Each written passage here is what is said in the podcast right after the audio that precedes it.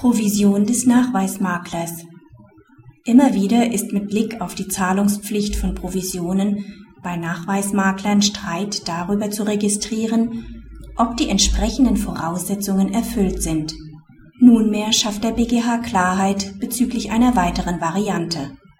Die Beklagte, die sich mit Immobiliengeschäften befasst, beauftragt den klagenden Makler im Rahmen eines Alleinauftrags mit der Immobilienvermittlung.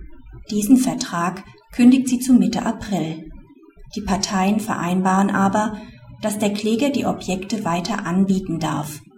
Im Mai benennt sie unter Übersendung eines Verkaufsprospekts und Vereinbarung eines Besichtigungstermins einen Interessenten, mit dem die Beklagte im Juni einen Kaufvertrag über eines der vertragsgegenständlichen Objekte abschließt. Der BGH gesteht der Klägerin die vereinbarte Provision zu. Sie hat eine Vermittlungsleistung erbracht, wofür allerdings allein das Übersenden von Informationsmaterialien oder die Vereinbarung von Besichtigungsterminen noch nicht hinreicht.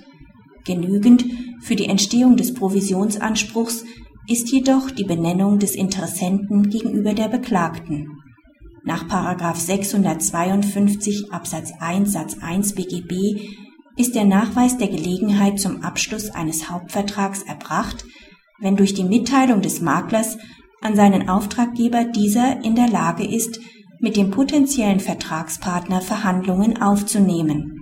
Der Makler muss letztlich nur einen Interessenten benennen, um auf eine konkrete Vertragsabschlussgelegenheit hinzuweisen.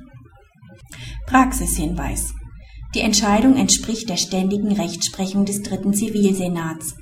Sie zeigt zudem, dass entgegen einem weit verbreiteten Irrtum die Tätigkeit des Maklers nicht besonders intensiv gewesen zu sein braucht.